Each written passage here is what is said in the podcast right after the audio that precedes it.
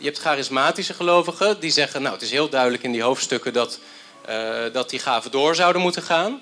Je hebt ook cessationisten die zeggen, nou het is heel duidelijk dat hè, de tongen zullen verstommen. Ik zeg eigenlijk, die hoofdstukken gaan er helemaal niet over.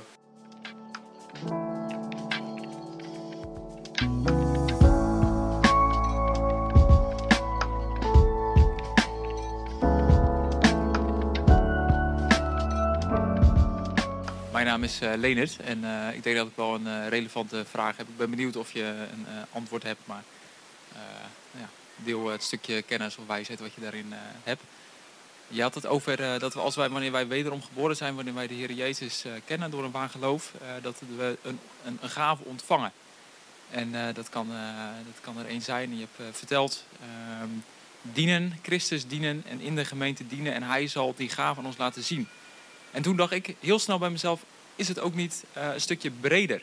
In die zin ontvangen wij één uh, gave, elke christen, of uh, ontvangen wij ook een veelkleurigheid aan gaven? En moet je het meer zien als dat er een gave zeg maar meer naar voren komt dan andere gaven, hè, als het gaat om uitdelen enzovoort. dus ik, ik, was ook wel benieuwd naar een stukje theologie daarin, wat je daarin vanuit het woord ook ons kan meedelen misschien. Ja, ja, ik denk dat dat een hele goede vraag is. Zoals ik eigenlijk een beetje liet doorschemeren als ik zeg maar 1 Korinthe 12... Ben ik goed te verstaan met deze microfoon trouwens? Ja? Als ik 1 Korinthe 12 lees, hè, dan zie je negen gaven. Ik denk dat uh, Paulus, zoals ik zei in de preek, niet de bedoeling heeft gehad om daarin een soort compleet overzicht te geven. Uh, want anders zou je in uh, Romeinen hoofdstuk 12 dezelfde negen gaven zijn tegengekomen als het allemaal zo zwart-wit was. en dan zou waarschijnlijk 1 Petrus daar zou het dan ook veel makkelijker geweest zijn om gewoon die negen gaven nog een keer te herhalen. En dan had iedereen duidelijk van dat zijn ze. Um, dus nee, ik denk, dat, um, ik denk dat er heel veel gaven zijn. Meer dan die negen. Uh, en ook meer dan degene die in de Romeinenbrief genoemd wordt. En ook meer dan als je ze bij elkaar optelt. Um, ik denk dat God ieder mens uniek heeft gemaakt. En dat op het moment dat iemand tot geloof komt en opnieuw geboren wordt, dat die persoon ook een soort unieke, en dat, ja, dat noemen ze in de seculiere wereld ook een soort systeemdynamische rol krijgt. Dus in de gemeente krijg jij een unieke rol. En die gave die jij hebt, die heeft een functie in de gemeente. Maar ja, jij relateert je tot een bepaald persoon, tot een ander persoon. En voor de ene persoon is dit element van jouw gave belangrijk. Voor de andere persoon is een ander element weer belangrijk. Dus ik denk dat jouw gave moet je een beetje zien als een... Ik weet niet of dat je met... Uh, je verjaardag krijg je wel eens een, een, doos, een cadeau... en dan doe je hem open en dan zitten er eigenlijk drie cadeaus in of zo. Hè? Ik denk dat dat heel goed kan. Dus dat God bijvoorbeeld mij een gave geeft om uh, te prediken tot mensen. Hè? Dat is waarschijnlijk een aspect van de gave van profetie, namelijk voor mensen staan, hè, pro. Uh, sommige mensen denken dat profetie betekent dat je iets voorzegt in de tijd. Dus dat ik al iets zeg nu en dat gebeurt dan over een paar weken. En dat is een element van profetie, maar in het Grieks komt het woord profetie van profemie. En dat wil zeggen voorzeggen of voor uh, spreken. En dat kan ook te maken hebben met spreken tot mensen. En Paulus zegt ook, wie profiteert, spreekt tot mensen woorden van opbouw uh, en correctie. Hè? staat in 1 Korinthe hoofdstuk 14. Dus wat ik ermee wil zeggen is, ik denk dat iedere wedergeboren christen krijgt een unieke geestelijke gave waarmee hij de gemeente kan dienen. En je kan het ook een beetje zien, het beeld wat Paulus zelf gebruikt, is dat van een lichaam dat wordt ook in 1 Korinthe hoofdstuk 12 vervolgens. Daar zal uh, Jurgen, ik denk jij dan volgende week over spreken. Maar in het lichaam, je hebt bijvoorbeeld ook je, je pancreas, je alvleesklier. Dat is een orgaan in je lichaam. Maar die heeft verschillende functies. Die pancreas, die, uh, daar zitten bepaalde eilandjes op. Dat zijn de eilandjes van Langerhans. En die, geven een die, die maken insuline. En insuline wordt gebruikt in je lichaam om je suikerspiegel goed te reguleren. Mensen die suikerziekte hebben, die, eh, daarvan zijn bij type 1 bijvoorbeeld die eilandjes kapot. Dus die maken geen insuline en die krijgen dan te hoge suikerspiegels... en die moeten vervolgens de rest van hun leven insuline gaan prikken... omdat, omdat die functie er niet is. Maar die pancreas heeft ook een andere functie, namelijk... dus die alvleesklier heeft ook een andere functie, namelijk bij de vertering. Hij maakt een, bepaald uh, een bepaalde stof uh, aan... die helpt bij het verteren van vetten bijvoorbeeld. Um, dus um, amylase, geloof ik. Nou, wat wil ik daarmee zeggen? Datzelfde orgaan heeft twee verschillende gaven, zeg maar, heeft twee verschillende functies. En als je één van die twee gaven mist, dan is dat ook al een probleem. Dus ik denk dat jij gelijk hebt. En dat ehm, je niet alleen maar één gave hoeft te hebben, maar dat het kan zijn dat jij een gave hebt die eigenlijk meerdere gaven bevat. En dat kan, dat kan zijn dat broeder Sam die heeft de gave om te prediken, maar heeft ook een gave om bijvoorbeeld een stuk pastorale zorg te, te bieden. En dan merk je dat die broeder ook heel wijs is. Maar je hebt ook mensen die prediken, maar als je vervolgens een stuk pastorale zorg met ze hebt, dan denk je na zo'n gesprek van, nou ja, hij heeft wel een gave om te prediken, maar het stukje pastorale steun, dat is er misschien niet. Hè? En John MacArthur bijvoorbeeld is daar heel transparant over. Die zegt gewoon van, ja, er kwam iemand naar me toe en die zei, broeder, jij hebt een hele grote gave om het woord te onderwijzen en te prediken, maar ik heb eens een keer counseling van jou gehad. Jij hebt die gave niet. En in eerste instantie zei John MacArthur ook van, uh, nou ja, ik werd natuurlijk net als iedereen een beetje zou worden, een beetje boos. Hè? Van, uh, oh nee, heb ik die gave niet? En later dacht ik, waarschijnlijk heeft hij gelijk en heb ik gewoon inderdaad die gave niet. En dat is ook gewoon oké, toch? Dus dat is mijn antwoord. Ik weet niet of jullie aanvullingen hebben.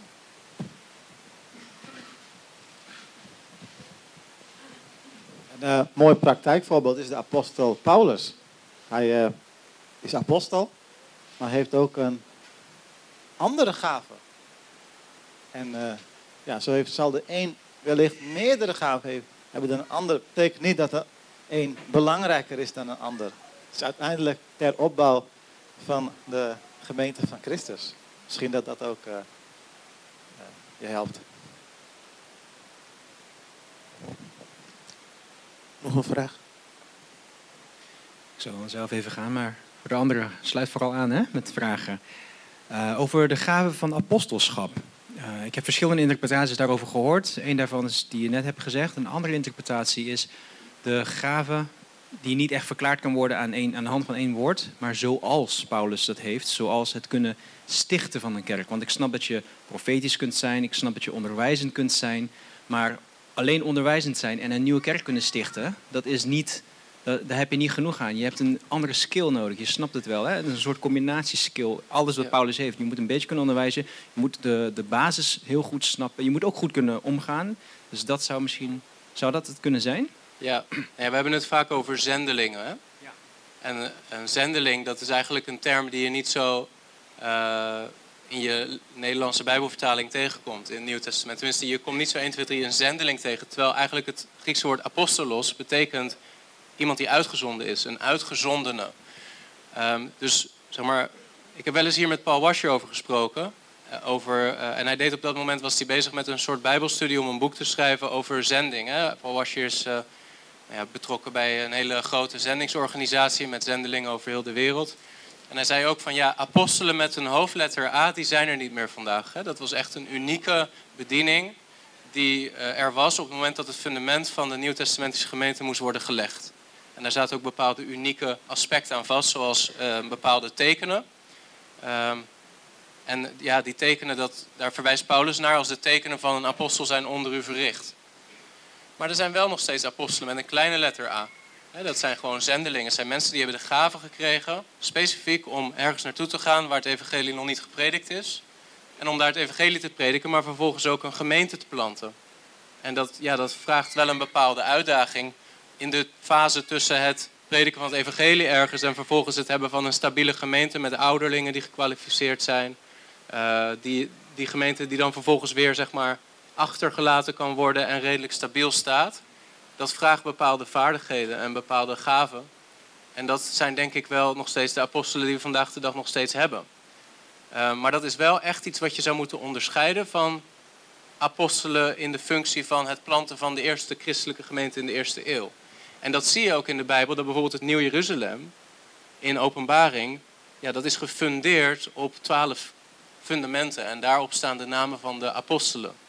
Dat zijn de unieke apostelen waar we het over hebben en waar Paulus er ook een van was. Maar de bediening van zendeling, dat is er nog steeds. En het kan zijn dat dat ook eh, de gave is van het zijn van een evangelist.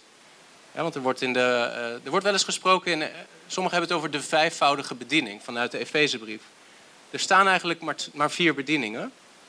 Apostelen, profeten, evangelisten en dan staat er achteraan herders en leraren. Maar herders en leraren is één groep die daarmee wordt bedoeld. Dus een herder en een leraar, Dat zijn de mensen die leiding geven aan een lokale gemeente. Wat is dan precies een evangelist? Het zou kunnen zijn dat een evangelist in feite ook een beetje is wat wij vandaag zien als een zendeling. Namelijk iemand die erop uitgaat, die het evangelie verkondigt. Maar ja, vervolgens, als mensen je evangelie aannemen en worden ze opnieuw geboren, dan moet je wat met die mensen doen. Je kan ze niet achterlaten. Een uh, mooi voorbeeld uit de Bijbel is uh, uh, toen er vervolging was in Jeruzalem, in Handelingen. Toen vluchtten ze naar Antiochië. Maar wie waren degenen die in Antiochië vluchtten? Even simpel gezegd, de christenen die bang waren. Maar de apostelen bleven. En ze gingen vertellen over de Heer Jezus en de hand van de Heer, van de Heer was met hen. Maar dat waren misschien gewone christenen, als het ware. Misschien hebben ze niet specifiek de gave evangelist, kan. Maar je ziet dat door de vervolging gewone christenen over Jezus vertelden. En je zag dat later daar ook apostelen naartoe gestuurd werden. Er werden ook ouderlingen aangesteld.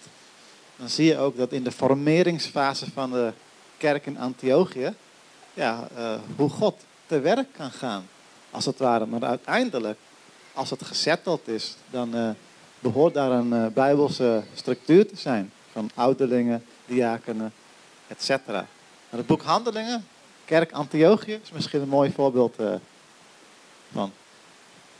Iemand anders met vragen? Kan ik nog wat Ja, tuurlijk, ja.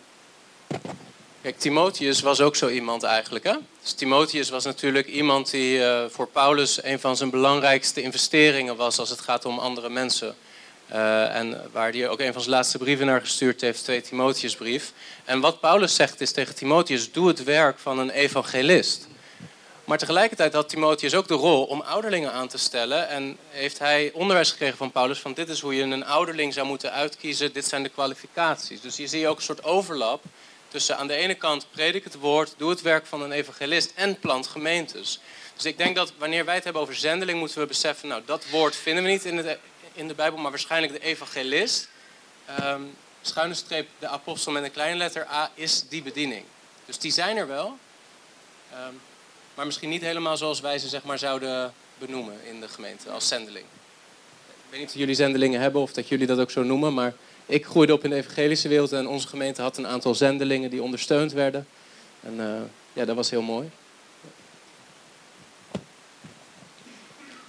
Hoi, ik ben uh, Daniel. En ik heb ook nog een vraag en dat gaat naar aanleiding van vers 10, zeg maar. En dan wordt er gesproken over allerlei talen, zeg maar. En de uitleg van talen. Dan moet ik dan meer denken aan de talen Engels, Duits en uh, Frans? Of is het meer geestelijke talen? Of hoe moet ik dat precies zien? Ja, nu trek je eigenlijk een behoorlijke grote vraag natuurlijk open. Hè? Want dit is um, waar een heel groot conflict tussen zeg maar, de charismatische christenen en de um, cessationisten slash meer uh, traditionele christenen ligt. Uh, mijn overtuiging, daar zou ik maar mee beginnen, is dat dit echt gaat over talen. Bestaande uh, menselijke talen. ik denk dat het heel duidelijk is in het begin van het boek Handelingen op de Pinksterdag dat uh, ze werden vervuld met de Heilige Geest en ze begonnen te spreken in andere talen. die talen die werden ook echt herkend door Joden uit allerlei gebieden als de taal van het gebied waar ze waren. Um, en de, eigenlijk maak je nergens uit op in het boek Handelingen dat het iets anders zou zijn dan talen die je van nature niet hebt geleerd, maar die wel bestaande, grammaticaal kloppende, logische, coherente talen zijn. En niet een soort onbegrijpelijke uh, brabbeltaal. Um, behalve het boek Handelingen heb je ook nog een verwijzing aan het einde van Marcus, het evangelie van Marcus. Hè. In, in andere talen zullen ze spreken. Daar wordt het ook beschreven als een teken. Hè. Dus deze tekenen zullen de gelovigen volgen. Nou, dan staan er een aantal zaken. Nou is dat schriftgedeelte aan het eind van Marcus waarschijnlijk niet oorspronkelijk onderdeel van het Marcus-evangelie. Dus je moet sowieso al een beetje voorzichtig zijn met die versen. Maar ten tweede wordt het ook daar gezien als een teken. Met andere woorden, een teken maakt dat dat het voor de omgeving duidelijk is, hier gebeurt iets bovennatuurlijks wat niet op een natuurlijke wijze verklaard kan worden. Op het moment dat Marcus het zou hebben puur over een soort extatische uitingen, maar geen betekenishebbende taal, dan zou het geen teken zijn. En want laten we wel wezen, zeg maar, mijn zoontjes David en Emmanuel, daar kan ik nu de microfoon bij doen en dan een beetje naar ze lachen. En dan gaan ze ook bepaalde uitingen doen.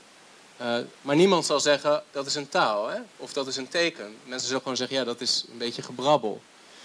Eh, dus ook vanuit het Marcus-evangelie zie ik niet echt aanwijzingen dat talen hè, iets anders zou zijn. Het wordt soms vertaald als tongen, maar er staat gewoon glossé en in het Grieks kan dat vertaald worden als talen. Is geen reden om aan te nemen dat er iets anders wordt bedoeld dan menselijke talen.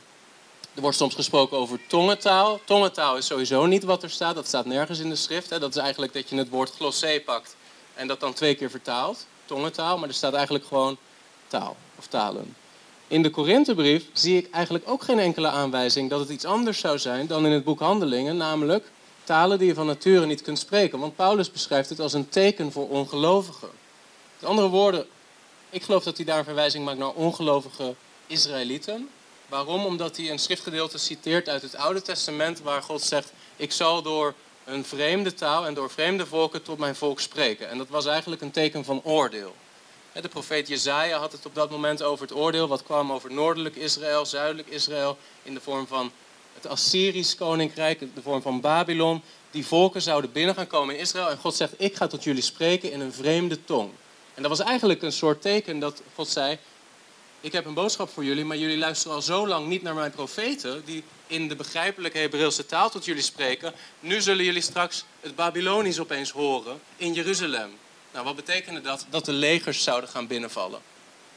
dus dat was eigenlijk. En in het Nieuwe Testament wordt eigenlijk een soortgelijke verwijzing gemaakt door Paulus. Hij zegt: Het is een teken voor ongelovigen. Het is een teken voor de mensen die de messias hebben verworpen. Nou, dat is, uh, dat is wat ik geloof dat het is. Het is echt een bovennatuurlijk teken. Um, en het idee dat het een soort extatische klanktaal is, dat is iets wat is ontstaan een beetje rond de tijd van de Azusa Street. En dat is nog maar ongeveer 120 jaar geleden. Daarvoor in de hele kerkgeschiedenis kom je niet zo heel vaak het idee tegen dat het spreken in talen of tongentaal dat dat iets anders zou zijn dan een bovennatuurlijk teken van het spreken van een echte taal uh, die anderen niet kunnen verstaan. Wat wel een ding was, is dat als je ervan uitgaat dat dat is waar het over gaat in de Korinthebrief, dat er een probleem was op het moment dat iemand die echte gaven uitte, hè, dus door de geest sprak bijvoorbeeld in, nou, het is een beetje een raar voorbeeld misschien, maar stel iemand in de Korinthe gemeente stond op en ging in het Frans praten. Maar niemand vertaalde dat, dan kan het best zijn dat hij bepaalde opbouwende, theologisch kloppende boodschappen uitte. Maar als niemand het vertaalde, dan sprak hij eigenlijk tot niemand behalve tot God. En dan staat er in 1 Korinthe hoofdstuk 14, ja, wie spreekt in tongen, spreekt tot God. Mysteriën. Nou, waarom zijn het mysterieën? Omdat niemand het begrijpt. Niemand kent de taal. En daarom zegt Paulus, ik wil dat er dan ook iemand is die vertaalt. Dus de conditie om in talen te spreken is dat iemand het moet vertalen. Nou, voor mij is het dan heel duidelijk, waar gaat het voor Paulus om? Het gaat er voor Paulus om dat de gemeente wordt opgebouwd door theologisch correct onderwijs niet uh, een soort extatische ervaring waardoor mensen zelf opgebouwd worden. Dus nou, goed, dat is even een, heel aantal aspecten. Um, kijk, ik wil ook benoemen, er zijn genoeg broeders, zoals uh, bijvoorbeeld Zack Poenen. Zack Poenen is iemand die is in Nederland geweest, die heb ik vertaald. Ik heb veel bewondering voor die broeder. Maar theologisch heb ik een aantal andere overtuigingen. Ook als het gaat om bijvoorbeeld het spreken in tongen. En die broeder die heeft een getuigenis, die zegt, ja, mijn leven was geestelijk droog. Totdat ik op een gegeven moment iemand ontmoette die zei, ik wil voor jou bidden. En die legde hem de handen op en hij begon te spreken in, zeg maar, tongentaal. Hè? Dus het fenomeen van, ja, ik begrijp het niet, maar het bouwt mij op. En zijn verhaal is tot de dag van vandaag dat hij daardoor enorm bemoedigd was. Nou, ik vind dat we dat soort christenen niet soort van uit hoeven sluiten, omdat ze die visie hebben. En ik vind het andersom ook niet dat zeg maar, mensen die die visie hebben, mensen moeten uitsluiten die er op een andere manier tegenaan kijken. Maar als je mij vraagt van wat vind jij de meest bijbelse positie, dan is het wel dat Um, ik geloof niet dat een soort klanktaal die niemand begrijpt een teken is. want ik denk dat er, er zijn ook in heiden geloven, de mormonen doen het ook bijvoorbeeld, die spreken ook in klanktalen. Uh, maar er zijn ook genoeg Aziatische religies waar dit gebeurt. Uh, ik zie het persoonlijk niet als een teken, ik zie het dan eerder als gewoon vreemd. En, en, voor ongelovigen die binnenkomen is het dan ook gewoon, en dat heb ik ook aan de lijf ondervonden, want in onze Romeinse kerk hebben we ook een gemengd gezelschap. Er zijn mensen die wel geloven in spreken in talen uh, als een klanktaal. Er zijn mensen die dat niet geloven. Maar ja, als er dan nieuwe mensen komen en iedereen is tegelijk in tongen aan het bidden, en dat gebeurde ook bij ons in de gemeente wel eens, um, ja, dan zeggen ze vooral, dit is wel raar wat hier gebeurt. En niet, uh, we vallen op onze knieën, want God is in jullie midden. Dus dat, dat wil ik wel zo genoemd hebben. Misschien jullie aanvullingen? Ik heb niet veel aanvullingen, denk ik. Maar ik denk wel dat we zien vanuit het boek Handelingen dat nou ja, in ieder geval, als we het boek Handelingen niet hebben, weten we eigenlijk ook niet wat het spreken in tongen inhoudt. Je ziet dat in Handelingen 2 eigenlijk de Heilige Geest werd vrijgegeven aan de Joden. In Handelingen, ik denk, uh, Handelingen 8 werd de geest vrijgegeven aan de Samaritanen. In Handelingen 10 en 11 werd de geest vrijgegeven aan de proselieten. En in Handelingen 16 wordt de geest vrijgegeven aan de heidenen.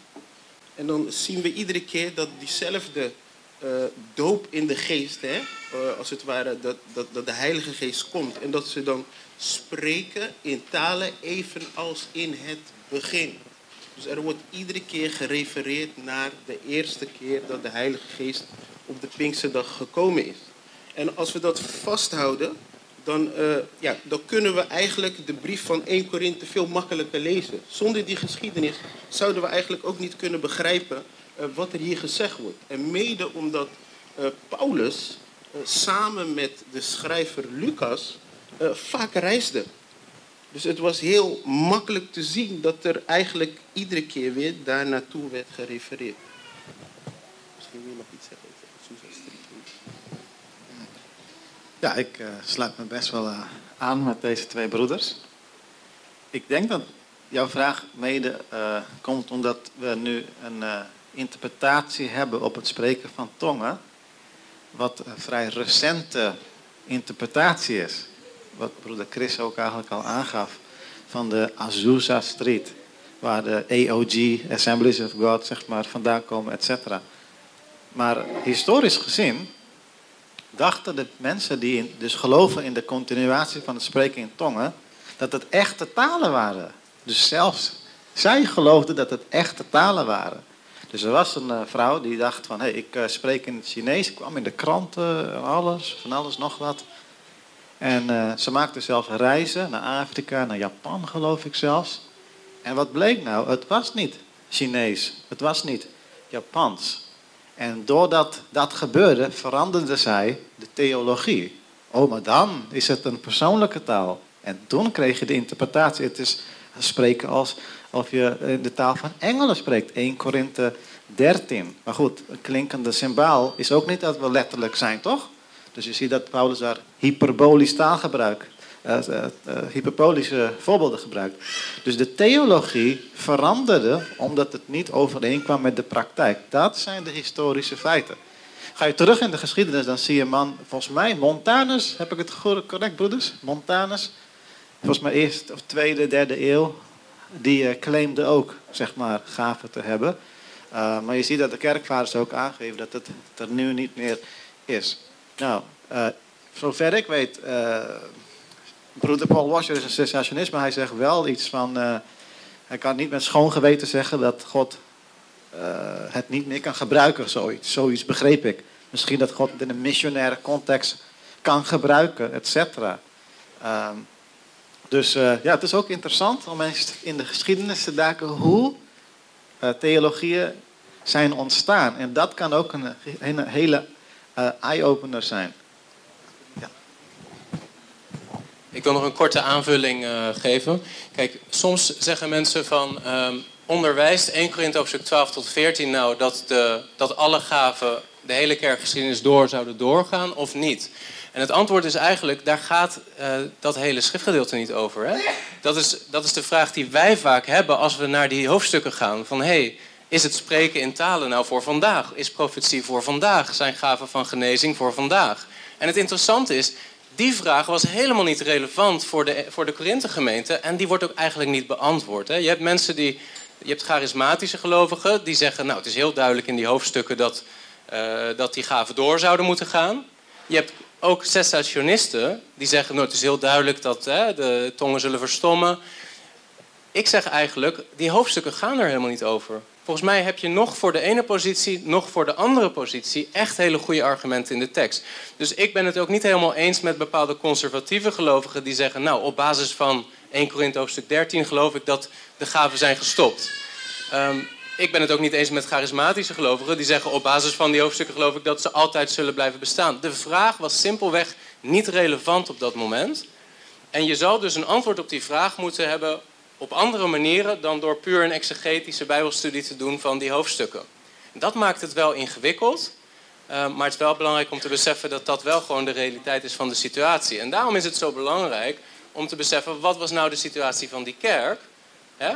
Wat was nou de functie van bepaalde bovennatuurlijke gaven? En is die functie na het einde van de apostolische tijd nog steeds relevant geweest? Nou, dat zijn de vragen die je eigenlijk zou moeten stellen om antwoord te krijgen op de vraag: zijn alle gaven nog steeds op dezelfde manier werkzaam vandaag de dag als toen? En dan zeg ik ja, met het sluiten van de kanon, doordat we nu de schrift hebben, doordat de openbaring van het Nieuwe Testament is voltooid, hebben we minder hard de bovennatuurlijke tekengaven en de bovennatuurlijke openbaringsgaven nodig. Want als jij opstaat en zegt: Ik heb een woord van jou voor de Heer, uh, je mag niet scheiden van je vrouw. Dan zeg ik: Ja, oké, fijn, maar dat zie ik in de schrift ook staan. Snap je? Dus ik moet het toetsen met de schrift, want dat is het apostolisch gezag. Maar als ik het eenmaal getoetst heb met de schrift, dan weet ik eigenlijk ook al wat ik moet doen, omdat de schrift hetzelfde zegt. Dus op het moment dat je de schrift hebt, heb je eigenlijk de profetie en de boodschap niet nodig. En op het moment dat je een boodschap krijgt, moet je om te weten of het klopt de schrift gebruiken om het te toetsen. Dus wat is dan je uiteindelijke standaard? De schrift. De schrift is hoger, is gezaghebbender dan een profetische gave. En daar ligt het belangrijke verschil met de Korinthe-gemeente, want zij hadden niet die schrift. ze konden het wel toetsen met het Oude Testament, ze konden het toetsen bij, bij apostel Paulus, maar ehm, verder moesten ze het ook toetsen met elkaar. Hè? Laten andere profeten toetsen of dat het inderdaad zo is.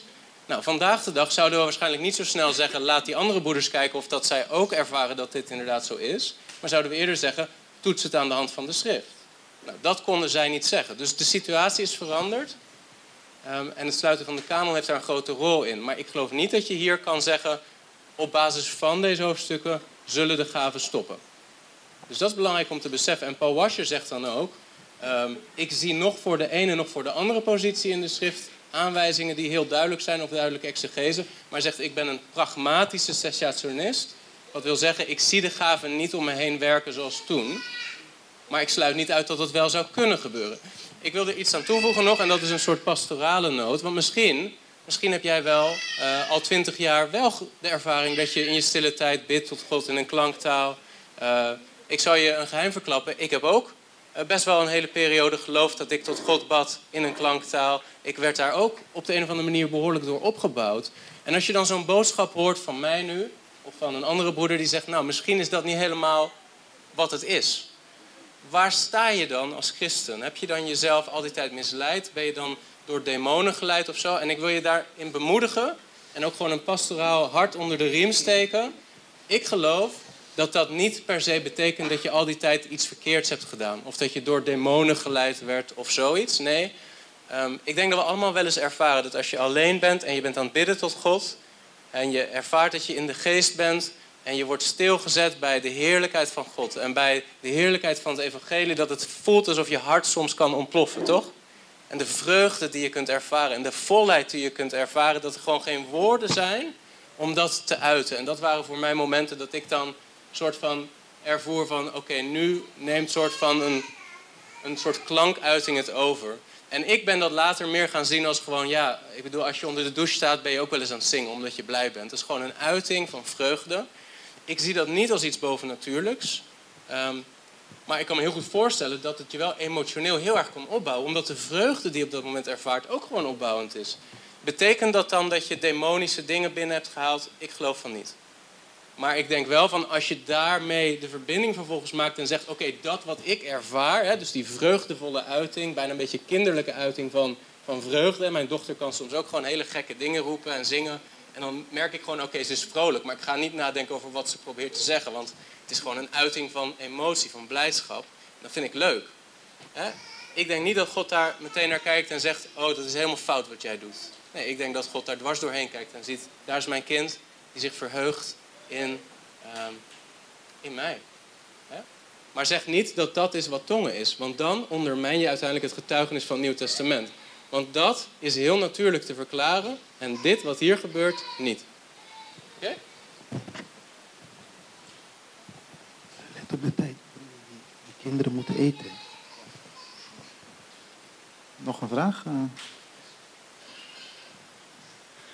Ja, broeders, dankjewel voor jullie uitleg. Ik ben Johan. Johan. Eh, ik heb een vraagje eh, die ook eh, te maken heeft met het continuïsme en cessationisme.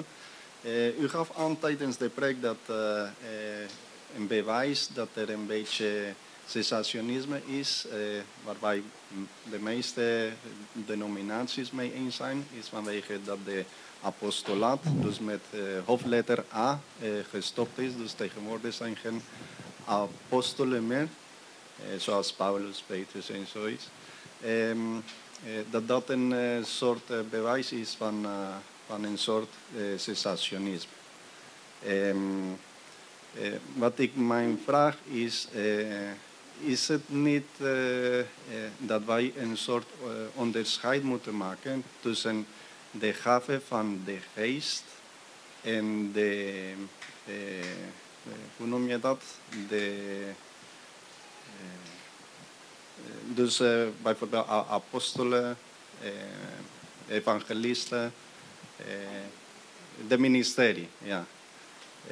Want bijvoorbeeld een apostel heeft verschillende gaven die hem tot een apostel kan eh, maken.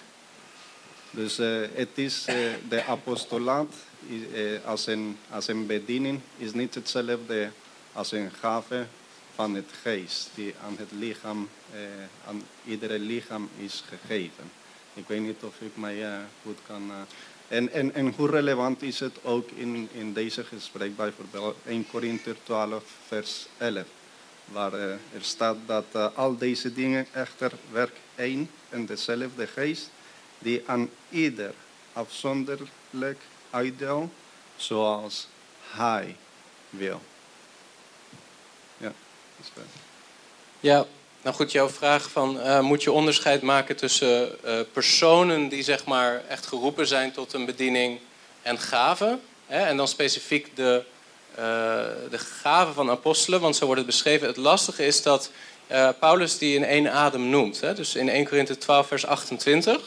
Daar staat, God nu heeft sommigen in de gemeente een plaats gegeven. Ten eerste apostelen, ten tweede profeten, ten derde leraars. Nou, nu heeft hij het over mensen die God gegeven heeft aan de gemeente.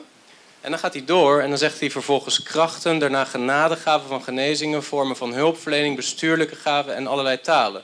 Dus dan opeens wisselt hij en gaat hij naar de gaven, zeg maar. Ehm, ik, ik denk dat het belangrijk is om, om dat onderscheid wel ergens te maken. Maar het lastige is dat Paulus gewoon in één adem doorgaat. En het erop lijkt dat, ehm, dat hij dat minder maakt, dat onderscheid. En dat zie je bij de Efezebrief dan wel wat sterker. Dan wordt er gesproken over God heeft gegeven aan de gemeente apostelen, profeten, evangelisten, herders en leraren. Eh, en dan gaat het echt puur over bepaalde personen. Ehm, en dan gaat het wat minder over deze specifieke gaven. Maar ja, ik, ik denk dat je dat onderscheid niet zo heel erg sterk kunt maken. En dat ze nogal aan elkaar verbonden zijn. En dat maakt inderdaad dat als je niet gelooft dat er nu nog apostelen zijn zoals in die tijd die er waren, dat er dan een hele cascade van consequenties zou kunnen zijn, ook voor bepaalde gaven. Nou, dat is mijn perspectief. Ehm, maar goed, er zijn mensen die daar anders tegenaan kijken. Ik was nog wel benieuwd waar je vandaan komt. Je hebt een bepaald accent. Ik ben Colombiaan. Colombiaans, oké. Mooi. Eh, misschien hebben andere broeders daar nog een reactie op. Ik zal er eh, volgende week op reageren. Ik kijk er naar uit. Bedankt, broeder. Iemand anders een vraag? Yes. Nou, hi Chris. Ehm, mijn, naam is, ma- mijn naam is Rosjan. Eh, ik ben al ten aan het voorbereiden voor de Engelse dienst. Ehm, en ehm, ik zal mijn vraag eventjes inleiden. Ehm, ik ben zelf ook afkomstig van een evangelische gemeente. Heel specifiek de Pinkstergemeente. En ehm, heb ik een aantal jaar in gezeten. En vervolgens ben ik mij veel meer gaan verdiepen in de hele Pinkster-theologie. Waaronder dus ook de Azusa Street eh, Revival. Ehm, en heb ik voor mezelf inderdaad standpunten ingenomen hè, als het gaat om bepaalde dingen die de Pinkster-theologie leert. Hè, voor- voornamelijk ook dus de eh, gaven van de Heilige Geest. Tegelijkertijd ehm, kan ik ook niet ontkennen dat er, of dat ik veel mensen gezien heb in mijn leven die claimen dat ze inderdaad die gaven hebben, eh, maar waarvan ik zie dat zij oprecht voor God leven en ehm, eh, oprecht proberen zijn missie hier op aarde te volbrengen. En dus echt zendelingen zijn en, en super betrokken zijn in evangelisatie, et cetera. Dus ik heb het ook altijd soort van gezien als een soort in-house debate. Hè, als het gaat om eh, deze issue. Dat het gaat om een debat tussen kerken over deze interpretatie. Maar mijn vraag is meer, wanneer overstijgt het de grens van een in-house debate? Wanneer wordt het een, een issue van salvation? ja, als, als we bijvoorbeeld verder kijken naar vallen in de geest en dat soort gaven. Wanneer kunnen wij zeggen, nou, dit is blasfemisch en hier moet een standpunt in worden genomen, omdat dit schadelijk is voor de redding als dit wordt verkondigd. Hoe kijk jij hiernaar en hoe kijkt uh, de rest hiernaar? Ja, super goede vraag. Volgens mij, bedankt ook daarvoor. Um, ik ben het helemaal met jou eens. Volgens mij is het een in-house debate. Um, en anders dan bijvoorbeeld, ik bedoel, je hebt misschien John MacArthur met uh, uh, Charismatic Chaos en Strange Fire conferenties. Heeft zich heel hard gemaakt om ook aan te tonen van ja, echt de uitwassen van Pinkster-theologie vallen buiten de boot. Hij was, heeft best wel een hoop beroering teweeg gebracht. Um, ja, tegelijkertijd denk ik, ik zie het zelf wel als een in-house debate, zolang de gemeente die gelooft in continua, uh, continuationisme ook gelooft in hetzelfde evangelie en op hetzelfde fundament staat. Als het evangelie niet bedreigd is, ja, dan is er denk ik wel ruimte om verschillende ervaringen te hebben. En ik zeg ook helemaal niet dat God niet nog steeds op bovennatuurlijke manieren dingen kan doen. Hè? Um, dus ik zeg wel, ik geloof dat in de eerste eeuw de functie van bepaalde gaven veel nodiger was dan vandaag de dag nu we de schrift hebben. Maar ik ervaar regelmatig in onze kerksamenkomsten, ook al zijn we daar niet naar op zoek, dat we het evangelie prediken en we hebben een hart voor het evangelie en dat op hele wonderlijke wijze dingen gebeuren. Hè? God mensen leidt naar de samenkomst. Um, de broeder die een woord deelt, precies datgene zegt wat een ander de avond ervoor had gevraagd aan de Heer. Uh, of een voorbeeld waarvan je denkt dat kan geen toeval zijn. Nou, dat soort leiding is er nog steeds en is heel erg belangrijk. Alleen het is wat anders dan de bovennatuurlijke zaken die echt bijvoorbeeld de bediening van de Heer Jezus typeerden. Dus water in wijn veranderen. Ja, dat, daarvan geloof ik echt dat dat niet gebeurt vandaag de dag. Omdat dat zo'n specifieke functie had om het gezag, het unieke gezag van de Heer Jezus als de Zoon van God te valideren en zijn bediening en zijn boodschap en identiteit te bekrachtigen, dat dat vandaag de dag niet meer nodig is. Ik zie ook nooit in een charismatische kerk een broeder een brood en wat vissen pakken en dat delen en vervolgens heel de samenkomst voeden. Um, dus zelfs charismatische broeders hebben vaak wel zoiets van, ja, wat de Heer Jezus deed, dat doen wij niet weer helemaal zo, want we zijn niet de Heer Jezus, zeg maar. We zijn het lichaam van Christus, maar dat, dat doen we ook weer niet. Ik trek zelf de grens bijvoorbeeld over uh, een stroming als Word of Faith word of faith, hè, woord van geloof, die geloven iets heel anders dan alleen maar dat de gaven van de geest nog steeds beschikbaar zijn. Wat zij geloven is dat in het evangelie zelf, ja, dat onderdeel van het evangelie, is dat God jou lichamelijke genezing wil geven en dat God jou materieel wil zegenen. En dat zijn dingen die zij uitdragen. Dus zij zeggen eigenlijk, als jij ziek bent lichamelijk, dan kan je wel zeggen dat je het evangelie hebt ontvangen, maar dan heb jij een deel van het evangelie niet ontvangen of je hebt er niet genoeg geloof voor. Nou, vervolgens geloven ze dat als er geen genezing is, dan heeft dat te maken met te weinig geloof, want God wil het doen, maar ja, God kan het alleen maar doen als jij voldoende geloof hebt. Dat vind ik echt een evangelie ondermijnende boodschap. Dat is dwaalleer. En daar spreek ik me tegen uit. Op het moment dat ik me daar tegen uitspreek, dan zeggen mensen uit het Word of Faith kamp... Ja, broeder Chris, Jij gelooft niet meer in de gave van de geest. En dat is te makkelijk. Want dan kijken ze niet kritisch genoeg naar hun eigen afwijkende evangelie. Ik heb prima, kan ik samenwerken met een broeder die continuationistisch is. Terwijl ik misschien cessationistisch ben, zolang wij hetzelfde evangelie prediken. Maar als iemand zegt, Jezus wil jou genezen, maar hij is afhankelijk van jouw geloof, of Jezus is aan het kruis gestorven zodat jouw striemen genezen zouden worden. Maar als dat niet zo is, dan is het omdat jij te klein geloof hebt. Dan zeg ik, broeder, jij valt buiten de boot. Dit heeft niks te maken met de gave van de geest. dit is gewoon een dwaalleer en een vals evangelie. Is dat, is dat helder genoeg? Dus het evangelie maakt echt het verschil.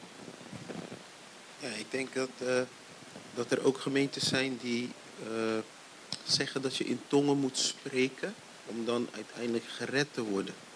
Of gered te zijn. En ik denk dat daar ook, zeg maar, een, dat het geen inhoudsdebate meer wordt, maar echt een, eh, een, een, een debat die, die, die de deuren van de, van de gemeente van Christus eh, eh, werkelijk scheiden, zeg maar. Dus ja, dat is, dat is nog zo'n zo'n punt. Ja, ik eh, sluit me wel eh, aardig aan. Ik hoef alleen maar aan te vullen. Hè? Is wat dan moeilijker hè, om aan te vullen. Maar eh, de vrouw van John MacArthur, zij zat bij de Foursquare Church. Nou, dat is opgestart door een vrouw, geloven in de gaven. Maar ja, ook daar kan het evangelie ja, verteld worden. En mensen komen tot ware bekering.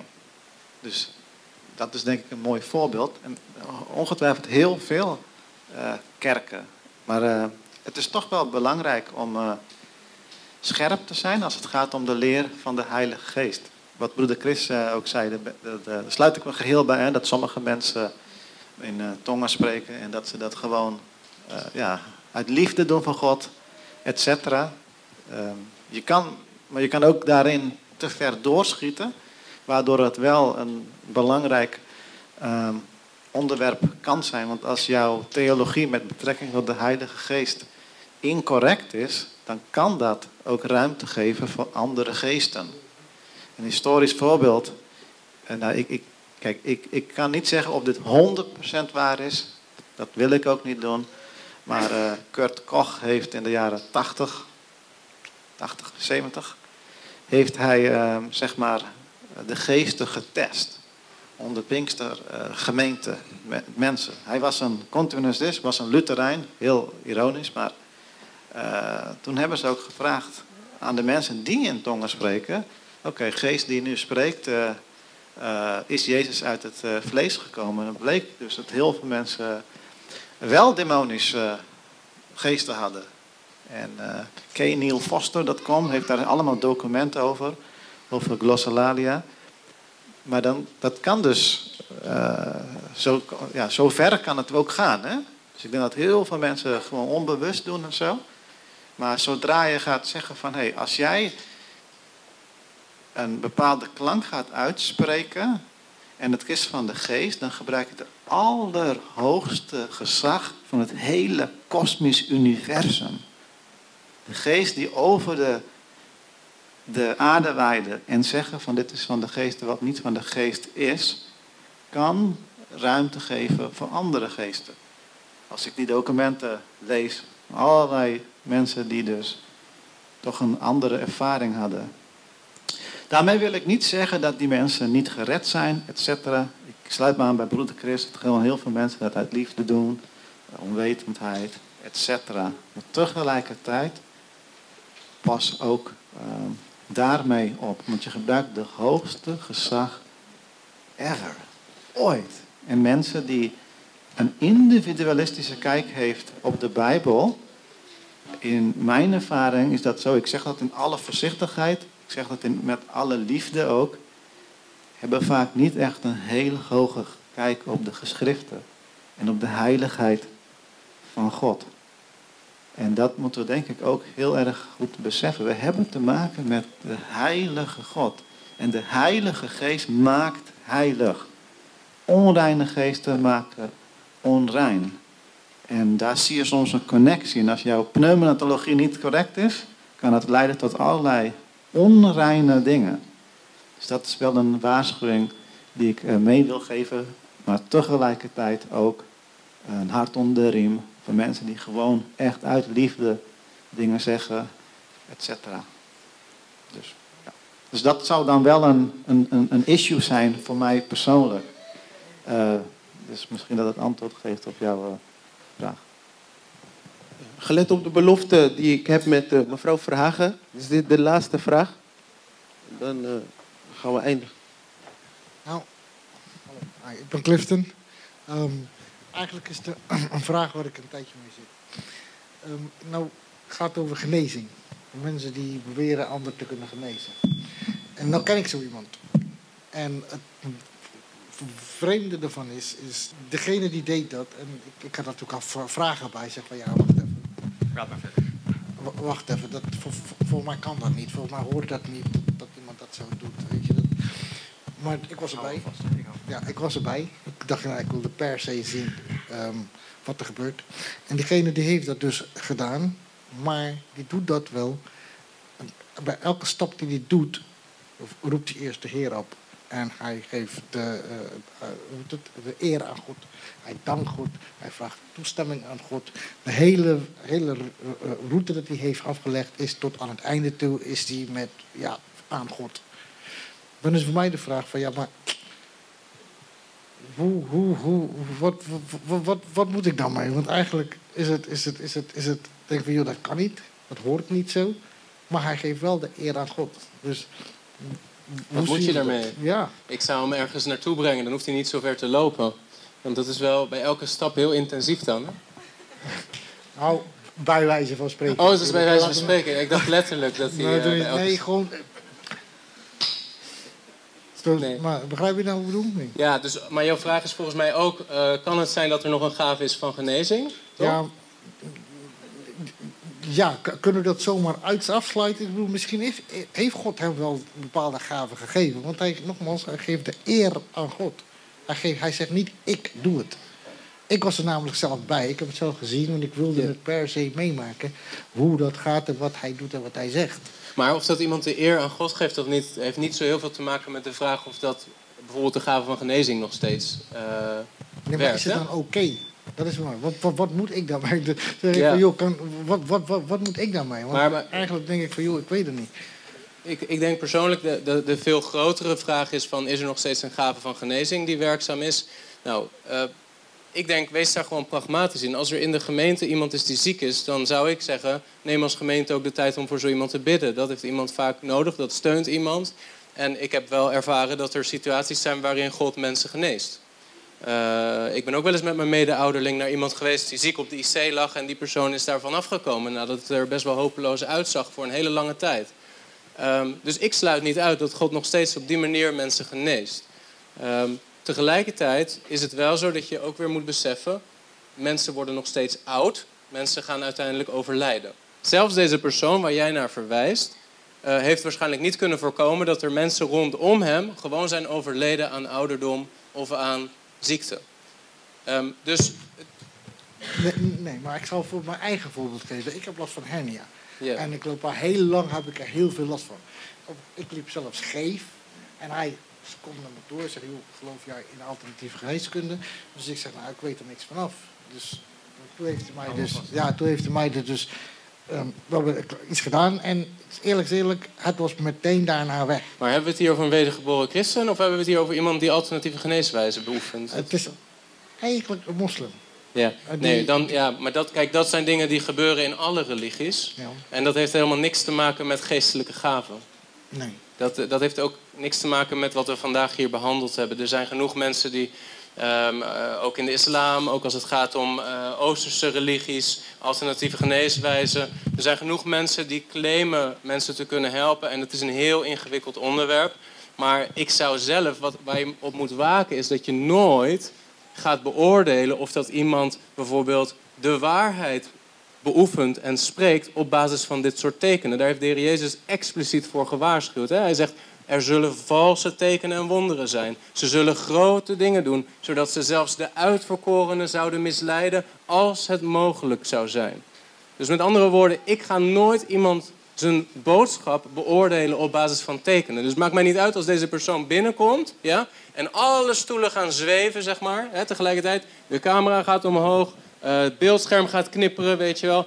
Het maakt mij niet uit, broeder, wat die persoon allemaal doet. Ik beoordeel de waarheid of de leugenachtigheid van zijn boodschap niet op basis van dit soort fenomenen. Ik beoordeel het op basis van de schrift.